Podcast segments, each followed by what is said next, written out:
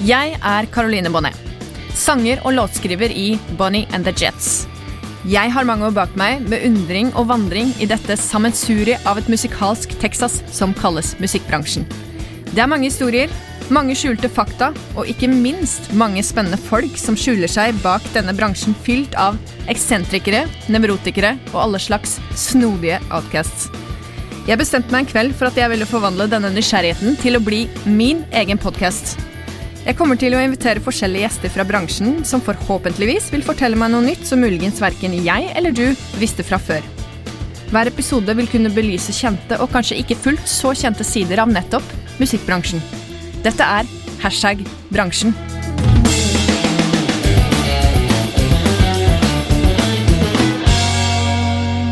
Gjesten jeg har med meg i dag, har eh, de siste åra blitt et eh, ganske så kjent navn innen eh, country- og americana-sjangeren. Hun er sanger, låtskriver, gitarist og har gitt ut mye musikk de siste åra. Nylig ga, ut, ga, hun ut den akustiske EP-en Acoustic Session og Acoustic Session Live in Oslo. Hun fikk Spellemann for sitt debutalbum som soloartist i klassen country i 2018.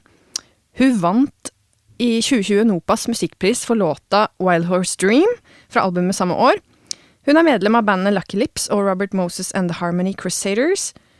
Og i tillegg så var hun programleder i NRK P13-programmet Cowboy. Det er selvfølgelig Malin Pettersen jeg har med meg i sofaen her i dag. Velkommen skal du være. Tusen takk, dette er veldig hyggelig. Ja, og det er sikkert en del som gjetta seg til det, at det var Malin som sitter her i dag. Og jeg kom jo ikke unna det standardspørsmålet mitt, så da spør jeg deg, Malin. Hva tenker du når jeg sier hashtag bransjen? Ja, dette har jeg prøvd å tenke litt på, for jeg har hørt på noen av de andre episodene og sånn. Ja, så. Um, og det er jo Jeg får veldig mange assosiasjoner, men mm. uh, kanskje den sterkeste uh, sånn første umiddelbare tanken er jo liksom alt det maskineriet rundt på en måte kunsten vi lager, mm. som har eh, vokst til og vokst frem fordi at man eh, både var avhengig av å tjene penger på det for å kunne leve og være musiker, mm. eh, men også fordi at på en måte eh, markedskreftene så at her ligger det eh, penger, da, og her er, mm. ligger det en industri Dette kan bli en industri.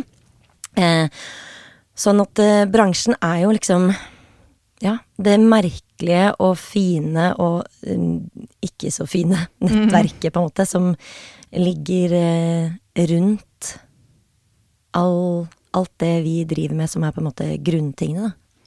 Veldig bra svar. Tusen takk. God refleksjon. takk. Uh, jeg har jo eh, spilt sammen med pappaen din. Han er en veldig dyktig musiker. Og jeg er litt sånn nysgjerrig på hvordan dere egentlig Hva skal jeg si? Har dere spilt noe sammen, eller hvordan Var han litt sånn pådriver for at du kanskje skulle gjøre musikk, eller var han en inspirasjon? Han har jo eh, definitivt eh, vært en inspirasjon, og han eh, tok Det var jo han jeg spilte live med, på en måte, hvis man ser bort fra sånn ungdommens kulturmønstring hvor jeg sto og sang på egen hånd og sånn, så var han og det bandet hans da både med liksom Ivar Thomas and The Hired Guns eh, som det het, og også A11, eh, som mm. fortsatt spiller i dag. Ivar Brynildsen. Ivar Brynildsen heter mm, pappa. Ja. Eh, og pappa tok meg med. Jeg husker den aller første festivalen jeg spilte på, var Vinstra countryfestival. Mm. Eh, og da hadde han og bandet en gig, og så skulle jeg komme opp liksom ja. i midten der og gjøre noen sanger og sånn. Mm. og det og, har, og de har tatt meg med på masse, masse gøye ting. Og det var på en måte min sånn eh, Det å lære å stå på en scene, lære å forholde seg til alle sånne ting som man kanskje ikke tenker over. Mikrofon med, og monitorer. Hva er det man mm. trenger å høre for å kunne gjøre den jobben man skal gjøre? Ja. Eh, og så har det jo alltid eh, i hans hjem stått masse gitarer rundt omkring. Og vært veldig, det har vært veldig sånn tilgjengelig, da. Så bra. Eh, samtidig så har han også vært opptatt av at liksom, hvis jeg vil det, så må jeg eh, legge ned en jobb, på en måte. Hvis jeg har lyst til å eh, lære å spille gitar, så må jeg også mm. vise at jeg faktisk setter meg ned og, og øver og sånn. Ja. Eh, men han har vært en kjempestor inspirasjonskilde, og mm. både til det utøvende, men også til eh, bare det derre gleden ved musikk sånn personlig, liksom. Det at han har mm. sittet sånn i, i døråpningen eh, ut mot eh, hagen på Veiland og spilt eh, gitar, bare sånn for seg selv, fordi det Mm. er en glede. Ja. Det kjenner jeg at det er også bare Å, jeg vil også ha sånn. Jeg vil også kunne sitte og nesten ha en sånn samtale med meg selv, på en måte. Gjennom kunsten, Ja, liksom. ja. Har vært en motivasjon, da. Ja, så bra. Har du noen spesiell hashtag bransjehistorie som du aldri glemmer, eller Ja, du har jo vært mye på veien, og du har spilt mye konserter opp igjennom, og, og sikkert Ja. opplevd mye rart, vil jeg tro. Ja, det er jo mye rart der ute. Det er Så- veldig gøy, da. Ja. Er det noe Um, spesielt du kommer på? Det, også, dette har jeg også prøvd å tenke på, og Ja. det er egentlig ganske mange Det liksom jeg, Det som samler seg til den derre hashtag bransjen-tanken, på en måte, i hodet, er jo liksom samlingen av alle de rare tingene man har opplevd. Sånn at man At folk si, introduserer deg med feil navn på scenen. At noen sier sånn 'Å, du har akkurat sluppet låt! Gratulerer!' Og så sier de helt feil. Liksom, de, du skjønner at de har ikke hørt på låta, liksom. Ja, ja. Eller eller folk som sier at de skal ringe deg tilbake, som aldri ringer tilbake. Um, også sånn klassiske, det er jo mer i den der utøvende biten, da, med at man kommer et sted, og så er det sånn ja, vi blir kanskje litt forsinket, og så er det liksom tre timer senere så har man fortsatt ikke fått kommet på scenen fordi Ja. folk Mm. Ja. Så det er liksom mange Det er mange eh, ting uh, Mm. å ta av. Men Ja. uh, jeg kan, det er én ting som jeg husker veldig godt, som, er, som står for meg som veldig bransjete. Ja, og det husker jeg var eh, rett etter Idol, for jeg var jo med i Idol i 2005. Ja, stemmer. Jeg eh, pleier jo å Ja. slå opp gjestene mine på? Wikipedia, og da så jeg at det. Ja. Og etter at jeg gikk ut der, så husker jeg at da var jeg 16, og, og jeg var veldig sånn Hva skal jeg gjøre nå? Kanskje jeg må smi mens jernet er varmt? Eller skal jeg liksom eh, vente? Og så var man i noen møter da med litt forskjellige folk, og blant annet da var jeg i møte med eh, en eh, manager som eh, hadde Han var veldig keen på at jeg skulle gjøre sånn norsk pop-aktig greie. Det var veldig inn på akkurat det tidspunktet der.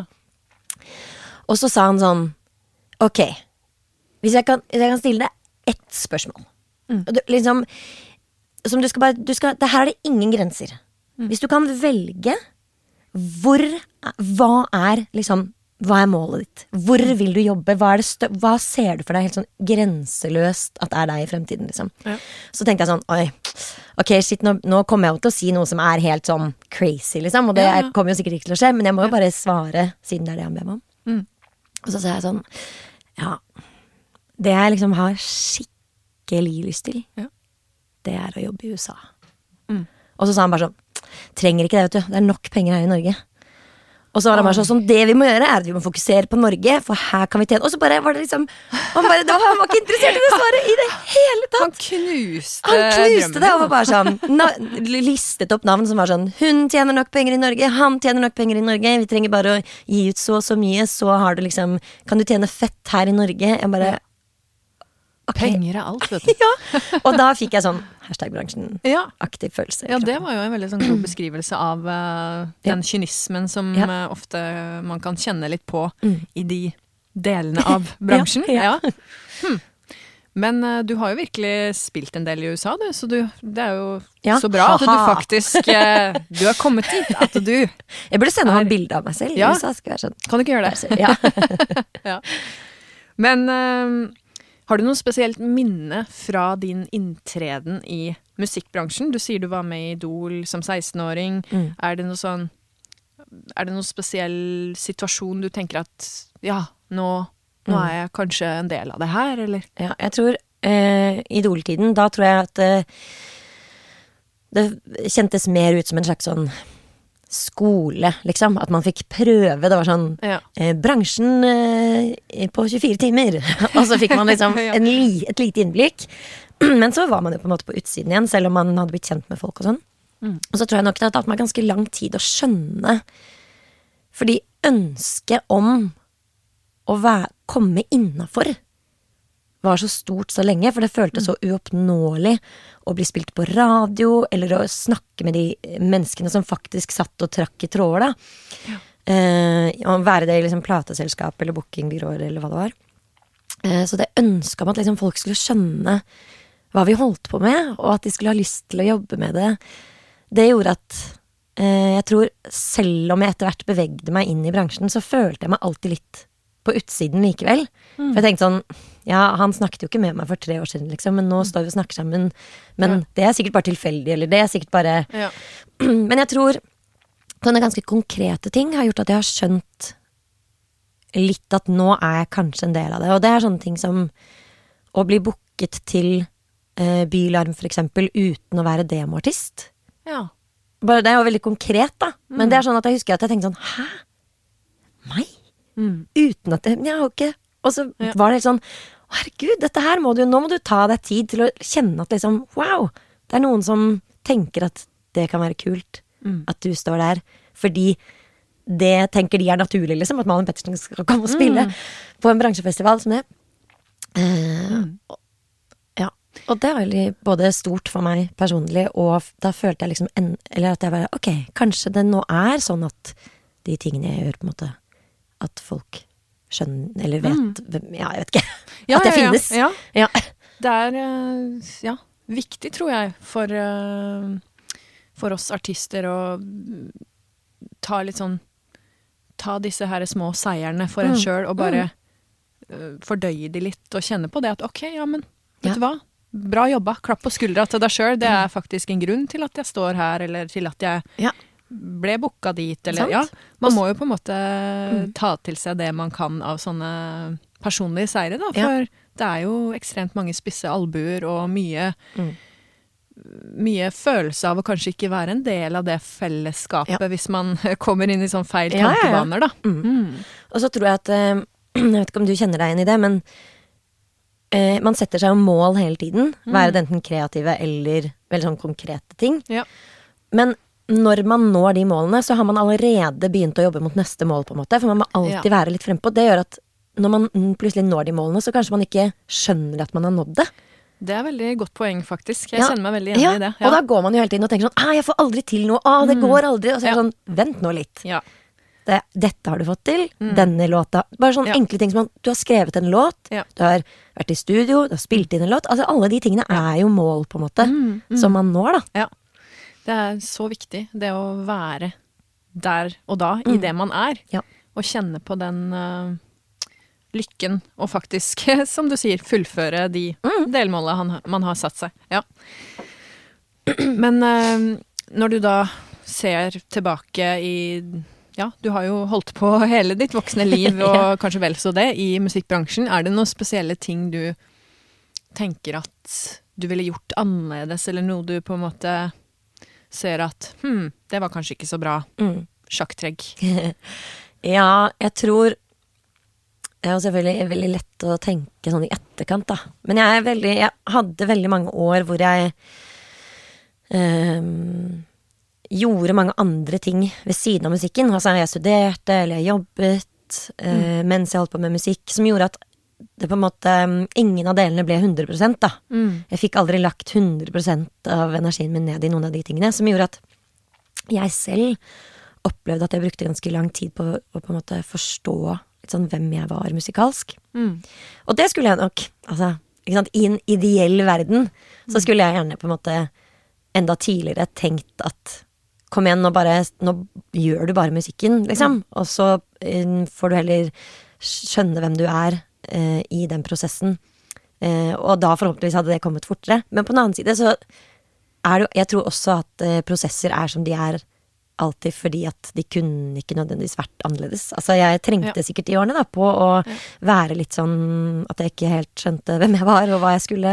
Ja, det er noe med Og, det. og det gjorde kanskje også at når jeg først bestemte meg, som var da jeg ble gravid med mitt første barn, Ja. sånn på ordentlig, Ja. da, da var det på en måte Da tror jeg at jeg hadde et ekstra gir fordi at jeg tenkte faen, nå må jeg jo bare gjøre det. Ja. Og da var det liksom bare å kjøre på. Det er litt sånn morsomt og interessant eh, paradoks, egentlig, da. At du, når du var gravid med ditt første barn sånn Nå satser jeg på musikken! Ja, det er supersmart. Det er jo veldig økonomisk trygt og ikke noen lange arbeidsdager i det hele tatt. Så det høres ut som en bra, bra tidspunkt. Fantastisk. Ja. Men det er jo kanskje en litt sånn naturlig greie sånn i forhold til ens eget ego og sånne ting, at Mm. man da konfronteres med det å være menneske og hva man ønsker å gjøre her i livet og Mm. sånne ting, når man da skal bringe et Absolutt. nytt liv til verden. da. Ja, ja. At det er litt den uh, eksistensielle greia som dukker opp. Helt klart. Og så tror jeg at jeg så meg selv litt utenifra, for plutselig så begynte jeg å tenke på sånn Oi, nå, til nå så har jeg jo vært Malin. Og så har jeg på en måte vært noens kjæreste eller noens datter eller noens mm. venn. Men det er jo men, men, i bunn og grunn så var jeg jo på en måte bare meg selv. Ja. Men med en gang eh, det skulle komme et barn, så var det sånn Her er det et menneske som jeg er knyttet til på en helt sånn Det er jo av meg. Det er en del av meg som ja. blir født ut, på en måte. Og, og, hvem er jeg da? Hvem er jeg i den situasjonen? Mm. Um, og så tenkte jeg sånn Ja, å, jeg skal snakke med barnet mitt om at hvis de jobber hardt, så kan de få til det de vil, og bla, bla. Men, men så var jeg sånn Ja, men har du gjort det, da? Mm, Fordi ja. nå vimser du jo bare rundt og har en deltidsjobb, lurer på, og, skal, og du studerer litt psykologi, men ja. så spiller du litt jobber, men så mm. er du jo ikke på vei de stedene du egentlig innerst i hodet ditt ja. vil. Og da kjente jeg bare at ok, hvis jeg skal kunne si det til det barnet, så må jeg ha levd det òg, på en måte. Veldig bra. Det er jo dessverre mitt inntrykk at en del kanskje lever gjennom barna sine. Ja. Og det er jo veldig synd, ja. fordi da det er jo først og fremst kanskje ikke så bra for mm. noen av de barna at de mm. da blir sin eh, hva skal jeg si utvekst av pappa eller mammas drøm. Ja. Og ja, det mm. blir jo litt sånn innimellom litt feil, da. Sånn, ja. Nå tenker jeg jo ekstremversjonen ja, på de her skjønnhetskonkurransene i USA. Som, ja. Men uh, ja, veldig god refleksjon rundt det å faktisk ta tak i sine egne drømmer, da, rundt det å få barn. Det er jo sånn sett uh, ikke noe hemsko, det mm. trenger å være. Mm. Men uh, dette her blir jo en del av sesong fire ja. av Hashtag bransjen, og uh, jeg kaller det for en slags temasesong, mm. fordi jeg syns det er litt sånn interessant å dykke litt ned i de ulike temaene som omhandler musikkbransjen, da, og har lyst til å ta opp med deg promotering og markedsføring ja. rundt musikk. For det syns jeg du er veldig flink til. Tusen takk, så hyggelig. Og, takk. Og da syns jeg det er litt sånn interessant å bare sitte og snakke om hva, hva det kan ha å si for mm. uh, sitt potensielle publikum, eller for å utvide publikum, for å finne sitt publikum. Altså, ja. Og det er jo kanskje et veldig interessant tema for en del uh, av de som sitter og lytter mm. på den poden her, da, som er interessert i musikk, musikkbransjen og kanskje prøver å få ut noe musikk sjøl og mm. sånne ting. Har du noen tanker rundt hva som er det viktigste når eh, det kommer til promotering av sin egen musikk? Ja. Åh, dette her er jo så spennende og gøy. ja, ja. um, jeg merker at det setter i gang sånn 100 000 uh, tanker i hodet mitt samtidig. Jeg tror i hvert fall for min egen del uh, at uh, det er et av de stedene som Altså den tanken om at for min, eller musikken, der tror jeg veldig mange har en tanke om at uh, man har lyst til å være genuin på et eller annet måte, en eller annen måte, å lage noe som eh, føles som en selv, og som man kan stå inne for. Mm. Selv om det måtte være liksom listepop eller hva det er, men at det må være noe man syns er kult, da. Mm. Og jeg tror at det er veldig eh, hva heter det for noe? Sunt å ta med seg den tankegangen inn i promotering og markedsføring også. Mm. At uh, det er veldig mange kule ting som folk gjør der ute, som ser veldig kult ut, og som er kjempeeffektivt. Men det er ikke sikkert at du skal gjøre det på samme måte likevel. Det kan mm. være at det, det koster altfor mye, sånn at du vil ende opp i liksom gjeld, og det er jo ikke noe gøy. Mm. Eh, eller det kan være at eh, det ikke føles naturlig for deg, for eksempel, å skulle poste like mange bilder i sosiale medier, eller å være og filme deg selv og snakke eh, til folk i sosiale medier. Man må mm. finne ut også i den delen av det. Hvem er jeg? Hva er jeg komfortabel med? Hva er det jeg syns er gøy? Fordi plutselig så kan man finne ut at oi, jeg syns jo det er skikkelig morsomt å lage små videosnutter, eksempel. Mm. Mens jeg hater å poste bilder med en eller annen caption.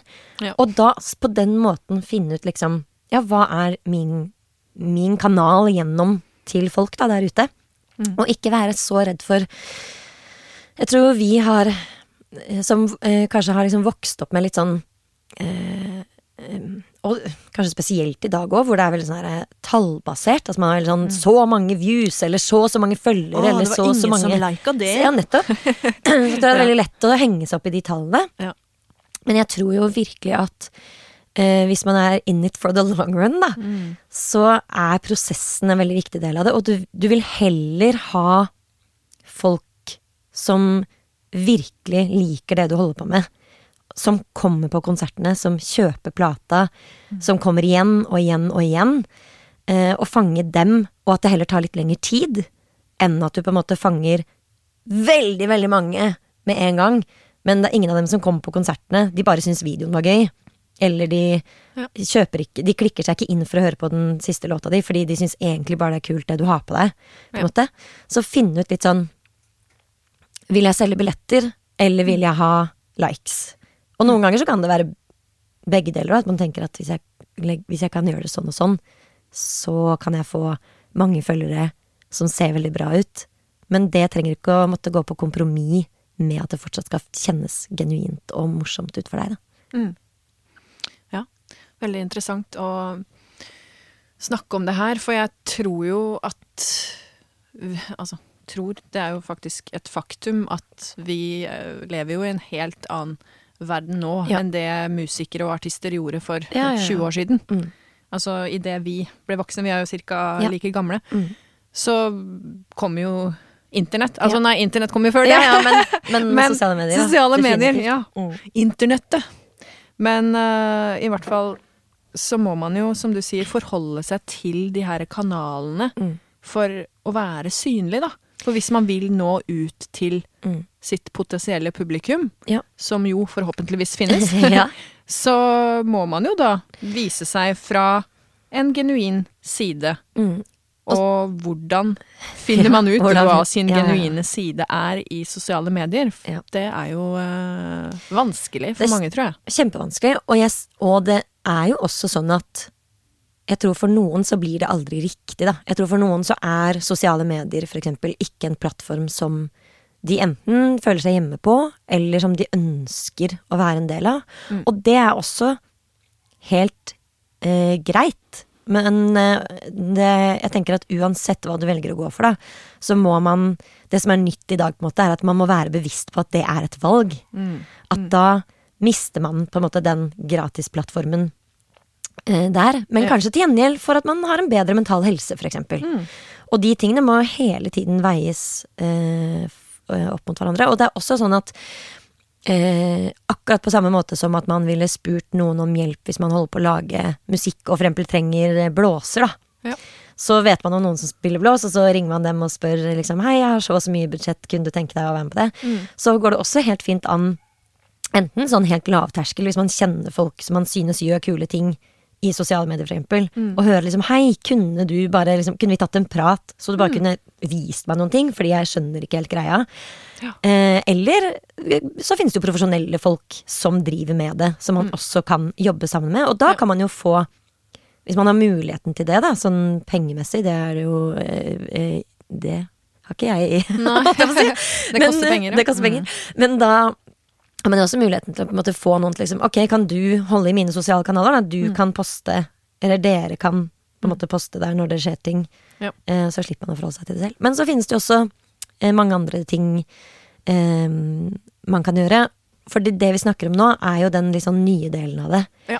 Men den delen med å sende ut presseskriv, ringe rundt eh, for å få til liksom intervjuer, radioting, det er jo eh, fortsatt en kjempeviktig del av det. Det er sant. Og den delen er jo også en ting som man definitivt kan gjøre selv mm. fortsatt. Mm. Men det finnes også veldig, veldig flinke folk som kan hjelpe med det. Mm. Um, hvis man har budsjett. Det er jo altså sånn som det går an å søke penger til, mm. for eksempel. Um, og da vil jeg jo bare anbefale, for der har jeg gått på et par smeller selv. Du òg? Eh, ja. Jeg føler alle har. Det var sånn markedsføring, ja. Mm, hvor, betal, hvor, mye betalte du? ja. ja. Og det er bare sånn Sjekk, liksom. Ikke bare velg hvem som helst. Mm. Se hva slags musikk de har jobbet med før. Se mm. hva de har fått til. Mm. Hvis det er det, det, har jeg brukt så mye tid på. Å gå gjennom artister eller plater som jeg liker. Mm. Og så har jeg sett hvem har de jobbet med på enten booking eller markedsføring eller hva, og så på en måte ok, kult, og så sjekket ut videre. Mm. Hvem er det det da markedsføringsselskapet har jobbet med av andre ting? Ja. Ok, fordi de har jeg jo sett dukke opp her og der, da må de jo ha gjort en god jobb, på en måte. Research Ja. er eh, aldri dumt, det. Altså. Det er noe med det å sjekke litt sånn, ja. Mm. Men um, hva tror du det er det viktigste du har gjort i forhold til å nå fram til ditt publikum? Ikke minst finne det. Å, det er kjempevanskelig. Ja. Mm, jeg tror at jeg har vært heldig fordi jeg har en fordel, som er at jeg syns det er gøy med bilder. Mm. Så det er veldig Det for meg også er en uttrykksform. Ja. eh, Som jeg også kan bli kjempe Altså sosiale medier, kjempeslitsomt. Mm. Det kan jeg bli veldig sliten av. Men akkurat det der med eh, å ta bilder som kommuniserer et eller annet, eh, syns jeg alltid har vært eh, veldig gøy. Og det Mm. har også gjort at når jeg fikk sosiale, en sosial medieplattform som eksempel Instagram, hvor det var noe som man kunne bruke, på en måte, Mm. så, så gjorde jeg det ganske bevisst. Kanskje ikke helt fra starten av, jeg vet det ligger noen pizzabilder og sånn. Men brukte det sånn ganske bevisst og prøvde hele tiden. Og, og, og har en veldig sånn jeg kan, jeg kan definitivt være sjenert, men jeg er veldig utadvendt. Jeg har ikke noe vanskeligheter med å dele Ja, for eksempel at jeg sitter og spiser pizza. Ja, ja. Eh, eller liksom at jeg ikke har det så bra. Mm. Eh, jeg blir veldig sjelden liksom, privat, men, jeg kan, men personlig, det syns jeg er gøy å være, da. Personlig, Ja. men ikke privat. Mm. Det er en sånn eh, ja, en liten hashtag, det òg. ja. Eh, sånn at for min del så tror jeg at det, det har vært viktig for meg òg. At eh, i stedet for å skape en slags sånn Malin som jeg må opprettholde hele tiden, Mm. så har jeg heller villet at folk skal bli litt sånn kjent med meg på både godt og vondt, på en måte. At Mm. jeg har uker hvor jeg poster to bilder om dagen, og så blir jeg kjempesliten av det. At jeg blir sånn 'Å nei, nå har jeg postet altfor mye'. Og så går det en uke hvor jeg ikke poster noen ting. Mm. Ja. Og så er det ikke den måten man egentlig burde gjøre det på. Men jeg orker ikke noe annet. Jeg Nei. må kunne være meg selv i det, på en måte. Ja. Og tenker at da vil jeg jo miste de følgerne som kanskje ikke liker det. Men så vil jo de følgerne som syns at det er helt greit, fortsette å være der. Ja. Og de vil jo også da være de folka som jeg har lyst til å kommunisere med, fordi at jeg slipper å måtte opprettholde noe jeg ikke er, da. Mm. Eh, og det å liksom lage den lille regelen for meg selv, Ja. for å svare på spørsmålet etter et veldig langt svar, Ja, ja. det tror jeg kanskje er noe av det viktigste jeg har gjort. Og det handler jo Mm. ikke egentlig om noe jeg har gjort ut. Det Nei. handler mer om noe jeg har gjort inni meg selv. da Sette Men en slags regel, liksom. Mm. Men det er jo tydeligvis noe som da har ringvirkninger. Ja, ja, ja. Noe man da på en måte det, ja, Mm, og gjør for seg selv, og så vil det da ha betydning for publikum, ja. Mm. Men eh, sånn i forhold til sjanger, er det mm, sånn at du føler at du har funnet din kjernesjanger nå? At du er helt hjemme i, Um, i den her eh, Kan man si country? Ja, Ja. Jeg, jeg, jeg føler meg jo veldig hjemme i country. Det er jo Ja. på en måte der jeg har vokst opp eh, sånn Jeg elsker jo den musikken. Ja.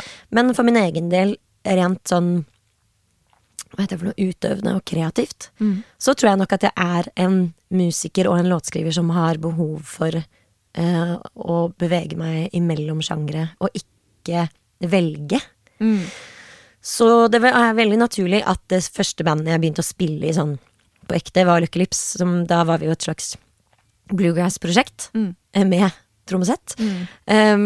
Um, og, så, så, og det, for da var jeg jo på en måte i starten av å skjønne hvem jeg var. Mm. Og så eh, husker jeg da jeg lagde den første soloplata mi, så tenkte jo jeg sånn Å, dette er noe helt annet! Og dette er liksom Dette er ikke bare country, det er jo en rockeplate. Så husker jeg jeg sa det til folk, de bare Nei, Malin, det er en countryplate. Jeg bare å, å ja. Fordi for meg så hører jeg så mange andre ting, eller det er så mange andre referanser inni der Sant. eh, som er meg, da. Mm. Og så tror jeg på neste plate igjen nå, som jeg holder på å jobbe med nå, så blir det i mitt hode også helt annerledes. Men det blir jo sikkert ikke det. Men eh, jeg har veldig sånn Jeg kommer aldri til å Eller når man, jeg vokst opp i Oslo liksom, og var den eneste 15-åringen som visste hvem George Jones var i Oslo, tror jeg. Eller det er veldig feil å si at jeg var den eneste. Nei, det var jeg men helt sikkert ikke. du var kanskje en av de få, da. Ja, akkurat Ja. der jeg bodde, i hvert fall. Ja. Så var det ikke så mange andre som visste hvem han var. Hvor i Oslo er du vokst opp? Eh, Kampen, og så Ja. Lilletøyen. Okay. Mm. Ja. Eh, nå kommer jeg til å få sånn mail fra en annen på Kampen som var sånn Jeg visste også det! ja. men eh, men eh, Hva var det jeg skulle si? ja, nå avbrøt jeg det, så Nei, det var helt dårlig. nei, det var kjempegøy. um, George Jones. jo, ja, ikke sant? Og så, og så begynte jeg med hele countrygreiene. Og så begynte jeg, ikke sant? måtte jeg jo finne ut det, det var jo der jeg begynte. Når jeg begynte å skrive låter selv, så begynte jeg å skrive låter om å drikke seg selv i hjel, på en måte. Oi. Fordi det var det jeg tenkte at countrysjangeren var. Ja.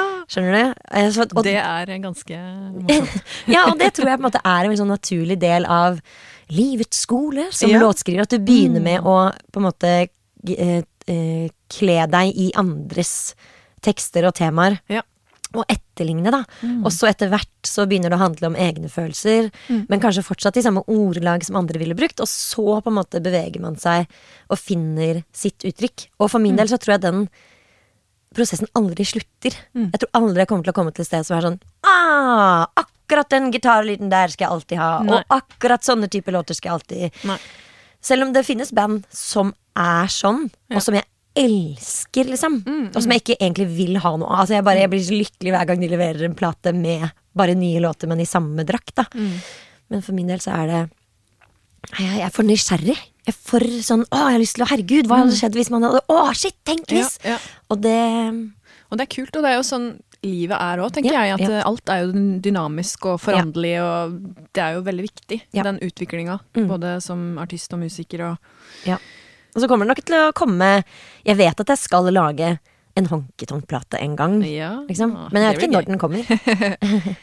Jeg er veldig fan av deg. Du er veldig bra, og du skriver Tusen veldig bra låter.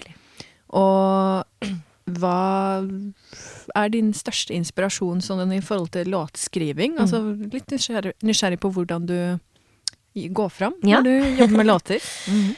Eh, her er, kan jeg faktisk trekke tråder tilbake til den historien om han eh, managerfyren som jeg snakket uh, om i stad. Ja, han som uh, Han snakka om Norge. Ja. Penger og Norge. Yes. Ja.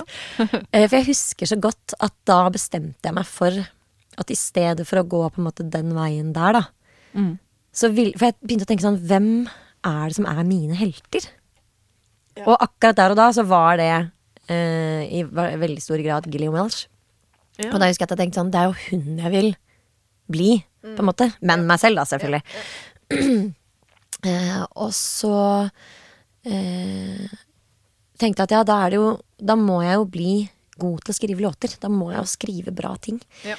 Og så begynte jeg da med å skrive ting som hørtes helt ut som henne, ikke sant. Eh, og så um, Jeg må ha litt kaffe, så det er det ja, ja, ja, Å, det Vil du ha er mer? Nei takk, ass. Ja, det er helt perfekt.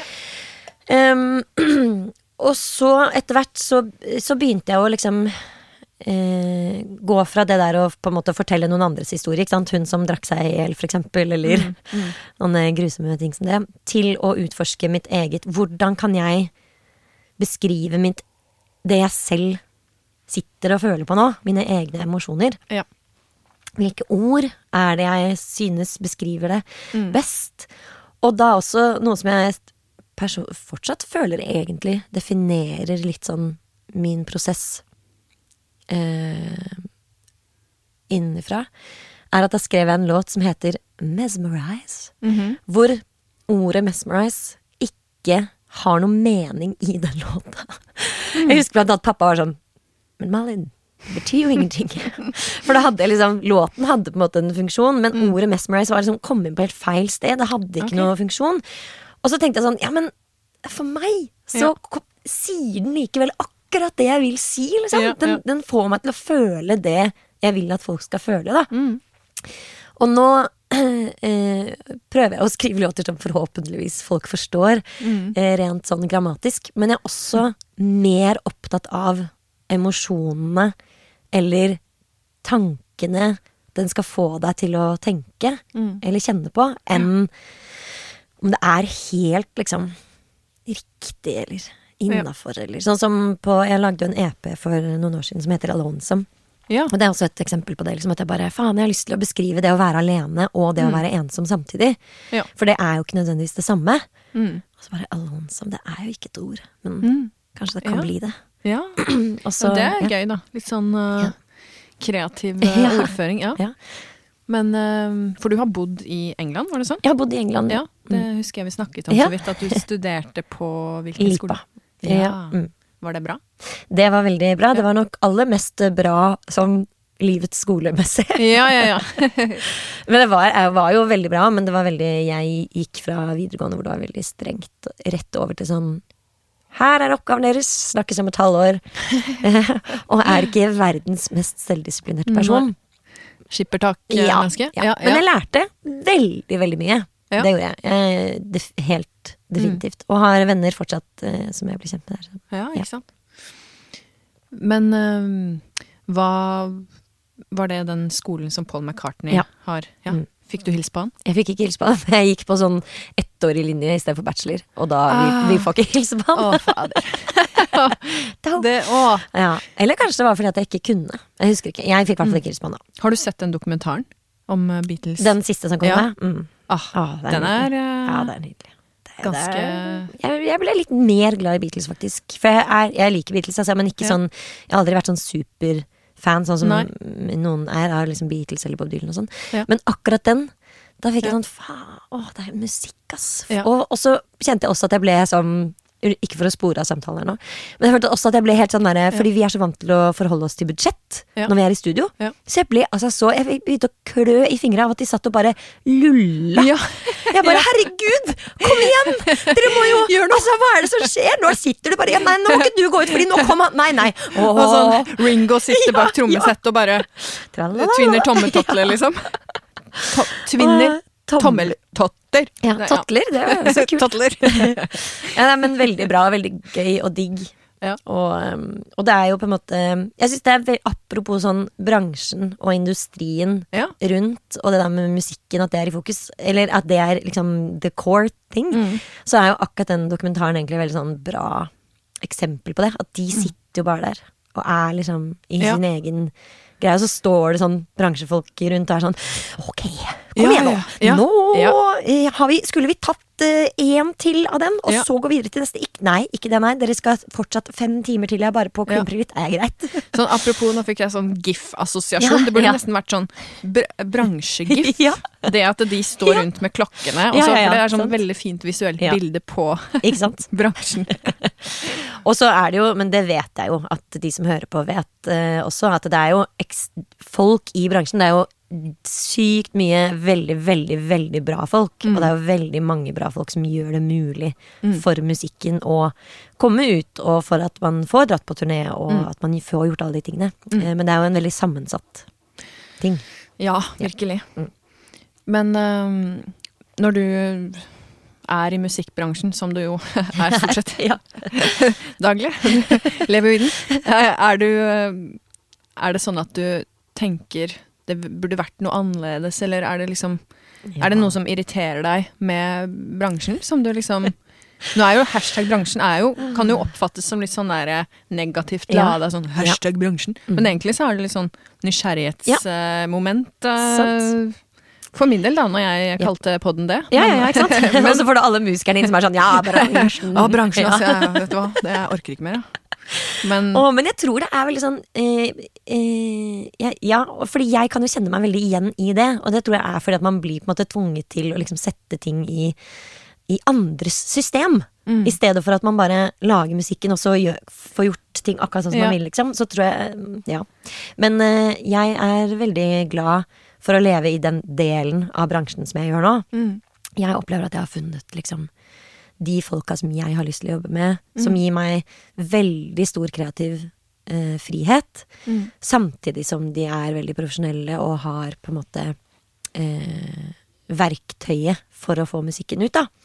Så kult. Ja, det, det syns jeg er veldig gøy. Mm. Eh, og så driver jeg, er jeg litt akkurat nå faktisk på leting etter litt sånn management og sånn. Ja. Og da merker jeg også at jeg er glad for at jeg At jeg sitter her nå, og ikke for 15 år siden, på en måte. Fordi da var jeg nok mer opptatt av å skulle um, oppfylle andres ønsker. Eller liksom å finne en eller annen management, Ja. manager eller management som var veldig kul, og så skulle jeg på en måte oppfylle deres Ja. krav. Mens nå er, opplever jeg at jeg tør å tenke at hvis det skal være min musikk, og hvis jeg skal holde på med dette som er kjempeslitsomt og vanskelig, så må det i hvert fall være gøy. Så jeg må i hvert fall jobbe med folk jeg syns er stase, da. På dine premisser. På mine premisser. Men det du egentlig spurte om, var om jeg skulle Ja. ønske at noe var annerledes. Ja. Eh, og det er det jo. Ja. Eh, og det, det, det er det jo eh, ikke sant. Det er mange ting. Det er sikkert sånn for alle i alle typer industrier og sånn, at man mm. kjenner at liksom Hvis det hadde vært optimalisert, eller hvis de hadde brydd seg mer om de og de mm. tingene um, Jeg syns det er vanskelig å liksom ja, jeg jeg syns det er vanskelig, mm. men jeg, jeg syns jo for eksempel jeg skulle for, Og grunnen til at jeg syns det er litt vanskelig, er for at jeg skjønner også hvor, litt hvorfor ting har blitt som det har blitt. Og det er så mange krefter inn og drar i alle mulige retninger som gjør at det er veldig vanskelig for også de som sitter og på en måte egentlig bestemmer ting, mm. skulle bestemme på den måten som vi kanskje gjerne mm. skulle ønske. Da. Fordi ja. kanskje det er, gjør at ja, men da tjener jo ikke de de pengene som gjør at de kan mm. overleve, eller ja. Men jeg, hvis jeg kunne kommet med noen ting sånn helt uten at uh, jeg Jeg digger fortsatt folka som holder på med det. Ja, ja. Uh, så skulle jeg ønske at uh, for eksempel radioverdenen var mer nysgjerrig og åpen på det som skjedde i Norges land, og ja. av, av, både mindre og større artister, og at man hadde på en måte de som jobber i kanalene, som virkelig har en helt sånn enorm både musikkglede og kunnskap, mm -hmm. eh, og, eh, og elsker jobbe med at de i enda større grad på en måte kunne få lov til å kuratere innhold. Ja. Eh, for at jeg vet at det er Det sitter så mye utrolig bra folk der ute, da, så mm. ja. Ja, det er veldig godt svar, eller god, god refleksjon på Unnskyld. Det det med hva skulle man tenkt eller ønsket ja. kunne vært annerledes. Og mm. apropos det med radio og mm.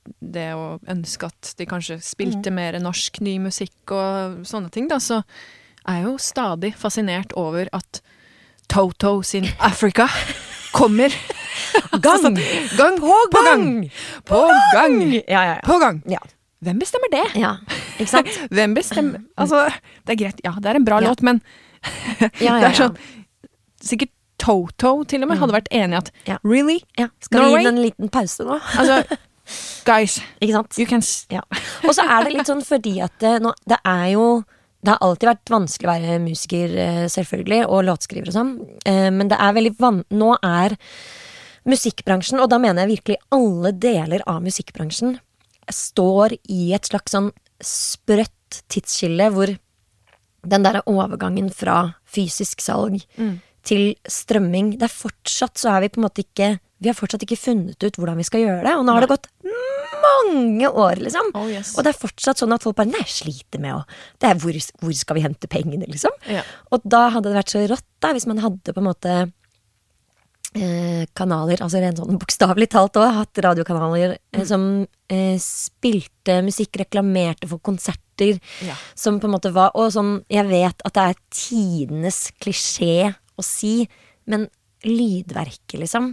Ja. Ha det på TV, og, og, og, gi på en måte den eh, bransjen en mulighet til å til å uh, finne ut hvordan vi skal gjøre ting på en uh, sånn, det, en bærekraftig måte, da. Ja. Uh, fordi Jeg sier ikke at noen skylder oss det, men, men, det hadde vært Det hadde bare vært så rått, liksom. Mm. Jeg tror det hadde kunnet bygge virkelig en skikkelig liksom, mye tryggere og god plattform for folk. Og jeg tror også at når folk blir tryggere, så blir de hyggeligere, og de blir bedre, og de tar, tør å ta større sjanser. Mm. Og så hadde vi kanskje fått liksom enda mer levende og crazy og kul og morsom eh, bransje som også tjente penger. Oh, fantastisk idé. Kan ikke, du, kan ikke du, ta den, jo, det første steget der, så, så, er jeg gjerne med på dugnaden, jeg, altså. Ja, Men, eh, ja. Men du dreiv jo et radioprogram ja. sjøl. Ja. Hvorfor ble det Nei, stoppet? Det er jo mye av det samme, da. Som, da er det noen budsjettkutt mm. i NRK som gjør at uh, eksterne programledere ble kuttet fra P13. Hm. Um, og og det, det, er jo sånn P13, så jeg elsker P13, jeg. Og da tenker jeg helt sånn Hvis man er musikkelsker, uavhengig på en måte om, man, om de spiller den musikken du elsker eller ikke, mm. på den kanalen, så er det en av de få på en måte kanalene som er med relativ Som er liksom som mange hører på, som ja. har ekte kuratert innhold av folk som bryr seg om musikk, og som, mm. som går på konserter. Mm. Og som er opptatt av å høre på nye ting og få frem ja. nye ting. Og Du, jeg har ikke hørt på Nei. den kanalen, jeg. Nei, det så kan det anbefales. Ja. Og det var så deilig også for min del. Unnskyld.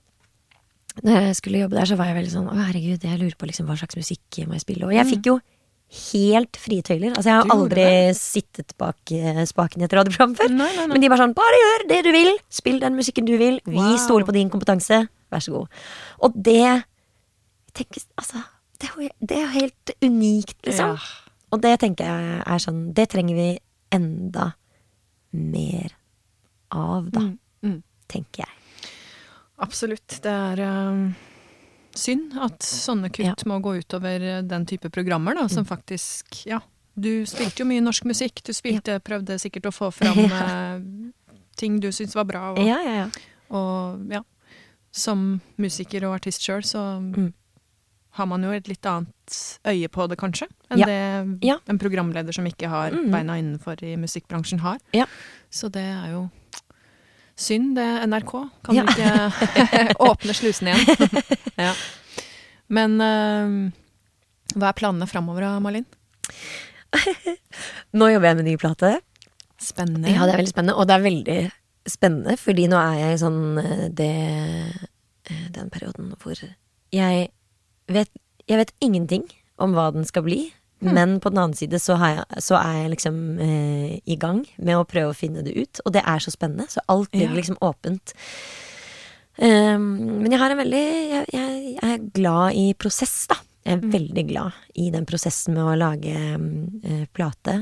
Mm. Og det er, det er en ting som jeg tenker at jeg skulle ønske at folk visste liksom litt mer om. Ja. At, det, at, det er, at, det, er, en prosess. Og det å være musiker er ikke bare å stå på scenen og spille, men det er liksom mm. alle de tingene frem mot ja. eh, ferdig produkt. Så nå eh, Jeg tror det blir eh, Jeg tror det blir noen nye, rare greier, ass. Mm. Håper det, i hvert fall. Ja. og fine ting, da. Håper, mm. Jeg håper det blir fint. Det gjør det helt sikkert. Men uh, har du noen tentativ plan på når det kommer ut, eller? Det blir til neste år. Ja. Uh, vet ikke liksom akkurat akkurat når, men mm. uh, håper å få ting ferdig. Eller vi skal i studio i november. Ja. Uh, så nå er det liksom Nå er det preprod og skriving og finne ut litt sånn produsenter og sånn. Ja. Uh, og så herregud, nå stopper jeg fordi at jeg begynner å tenke på det. Jeg gleder meg sånn. Ja, ja. det, men det blir skikkelig deilig. Jeg har hatt en veldig lite kreativ koronaperiode. Så okay. nå kjenner jeg at jeg bare Å, det er så deilig å være i gang. Ja. Mm. Godt å høre. Men konserter og sånn, er det litt framover? Skal eller? spille lite grann, men ikke kjempemye. Så i år så skal jeg ha liksom fire uker sommerferie med barna og wow. være et menneske. Ja. Et helt menneske, og ikke bare musiker, mamma, eller musikkperson. Ja, ja, så det blir skikkelig, skikkelig bra. Mm. Prøver å gjøre det litt sånn at noen år er litt roligere enn andre. Så det er liksom Ja, som jeg ikke er borte hele tiden. Viktig å ta vare på familien sin. Ja, og seg mm. selv. Og seg selv. ja. Man trenger det. Trenger liksom påfyll og lade batterier og den mm. greia der for å kunne få ut den kreativiteten òg. Ja. Hvis man bare kjører seg helt og møter veggen, så er det jo ikke noe igjen til slutt, liksom. Det, man må jo ta noen pauser. Absolutt. Så det høres fornuftig ut. ja. Men eh, du, tusen takk for at du tok deg tid til å komme her og skravle med meg i Hashtag bransjen. Det var superhyggelig. Takk for at du spurte om jeg ville komme. Det var veldig stas. Mm. Så uh, lykke til med prosjektene videre. Og likeså. Tusen takk. ha det, ha det.